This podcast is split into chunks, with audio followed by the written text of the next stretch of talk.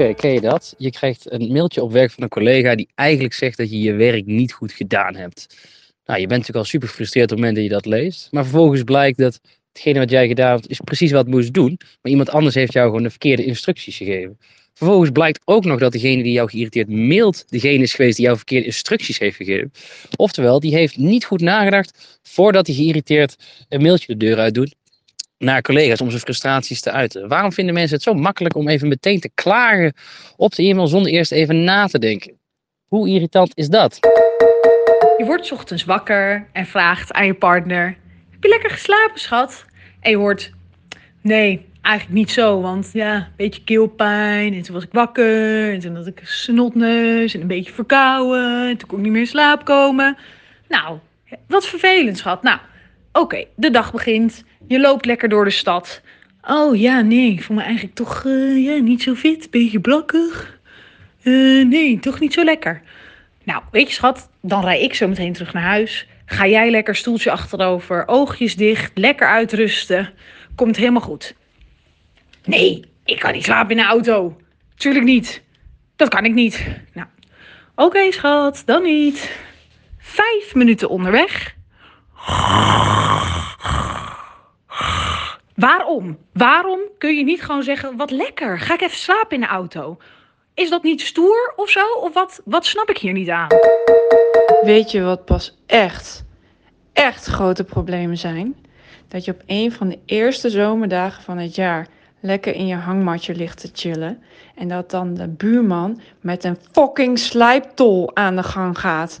Tief op, gast. Ik lig hier gewoon te chillen. Oprotten. Dus je gaat als goede burger gewoon even je vuilnis wegbrengen en jouw papier. Je komt aan bij de bakken. En je ziet dat iemand besloten heeft om zijn halve IKEA-kast daar neer te zetten in duizend stukjes met het idee. Ah ja, dat ruimt iemand vast toch wel op. Dan kan ik daar gewoon neerzetten. Vervolgens zie je dat iemand een vuilniszak geprobeerd heeft in een bak te krijgen die er echt niet in paste. En besloot, weet je wat, ik zet hem er ook gewoon maar naast. Zodat alle vogels zo'n zak helemaal open kunnen scheuren en alles over de straat kunnen gooien. Ontzettend irritant. Waarom doen mensen dit? Neem die zak gewoon weer even mee naar huis en kom hem morgen gewoon brengen. Alsjeblieft zeg. Kijk, ik snap best dat het soms moeilijk is om een keuze te maken welk soort sapje je wil of welk soort uh, toetje je wil of zo. Dat is allemaal prima. Hè? Dat je er even over moet twijfelen, even goed nadenken. Doe je wel hetzelfde als gisteren? En begrijp ik. Maar je hoeft niet voor die koelkasten in de supermarkt daar even uitgebreid over te gaan staan nadenken. Terwijl andere mensen er ook gewoon even bij willen. Hè? Je kunt ook gewoon even een stapje terug doen en daar gaan nadenken. Kan gewoon, hè? je kunt je hersenen gewoon meenemen naar achteren.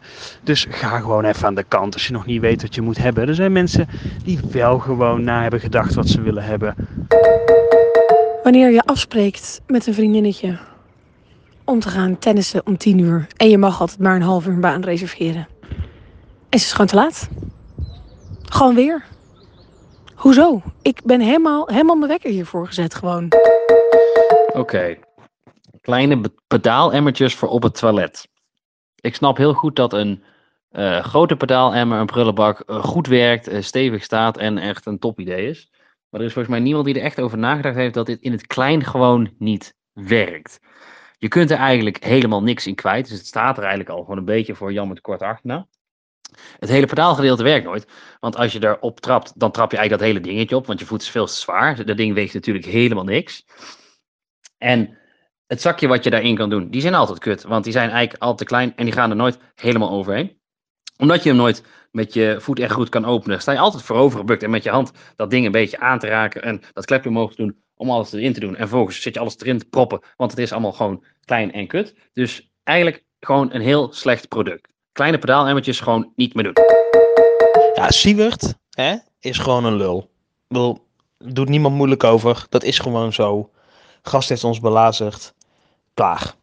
Maar dan gaan we dus met z'n allen in Nederland Hugo de Jonge afzaniken ja, dat was niet zo handig van hem om uh, even niet precies te vertellen hoe hij nou allemaal had gedaan. Maar het gaat er even om dat het mij opvalt dat er nooit media is die sorry zegt. Media zegt nooit sorry. Siewert heeft bij Op 1 gezeten, bij Jinek. Weet ik van waar hij allemaal gezeten heeft. Werd hij allemaal kritiekloos geïnterviewd. Zo van, oh Siewert, oh jij kunt het wel snel. En dan gaan we achteraf een beetje lopen zeuren over Hugo de Jonge. Maar waar blijven de excuses van de media? Zeg ook even sorry. Zeg ook gewoon eens, ik heb het verkeerd gedaan. Kijk zelf ook eens in de spiegel. Waarom doet een printer het nooit als je hem nodig hebt? Ik gebruik hem nooit, nooit, nooit, nooit, nooit. En hij doet dan inderdaad niks. Maar dan verwacht je toch, nu heb ik je nodig op dit moment. Ik heb haast, druk iets af. Maar nee, error, papier vast, inkt op, kan hem niet vinden. Why? Dit is een zeikje waar ik helemaal niemand de schuld van kan geven. Behalve het coronamonster dan. Maar jezus wat kut als je neus en je holtes en eigenlijk je hele kop vol snot zit. En je gewoon bijna niet meer kan ademen. En gewoon, ja, soort van half in paniek raakt. Omdat je bang bent dat je geen lucht meer krijgt of zo. Het is altijd fijn als je iemand ergens de schuld van kan geven. Maar op dit moment kan ik dus niemand de schuld geven. En dat vind ik best wel frustrerend. En daar wilde ik even over zeiken. Hoe vervelend, maar oprecht gewoon verdrietig is het als je allerfijnste spijkerbroek, maar echt de spijkerbroek die gewoon altijd goed zit, overal bij staat, ook nog leuke kont in hebt, gewoon de allerbeste spijkerbroek ooit, begint kuren te vertonen als in de gaten vallen erin. Nu de vraag, hoe lang blijf je dit ontkennen? Kijk, treinen zijn soms rustig. Uh, zeker als je bijvoorbeeld in Zeeland of in Limburg of zo in de trein zit. Nou, dus dat is fijn.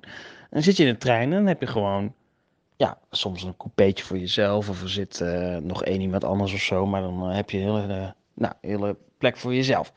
Komt er dus iemand binnen die gewoon achter je gaat zitten. Terwijl je denkt, zoek even een stoel gewoon. Weet je, ik weet het, corona is voorbij. Het hoeft allemaal niet meer. Maar hey, je hoeft het ook niet per se op te zoeken.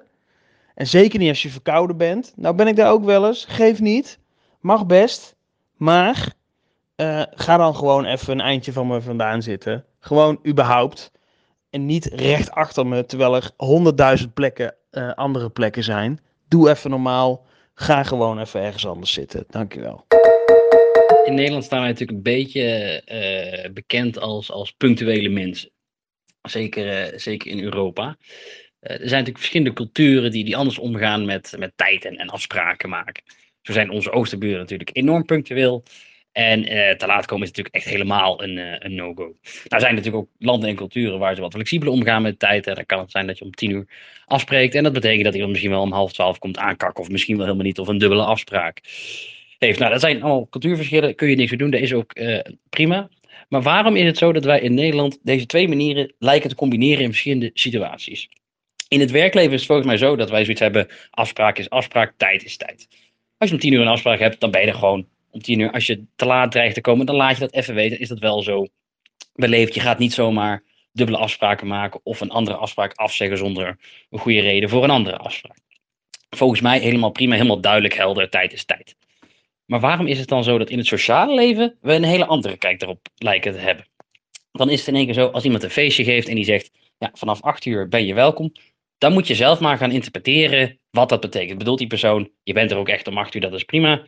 Of nee, ja, je moet eigenlijk pas om half negen komen, of misschien wel om negen uur. Waarom laten we dit over aan de interpretatie van verschillende mensen en daarmee ook verschillende interpretaties?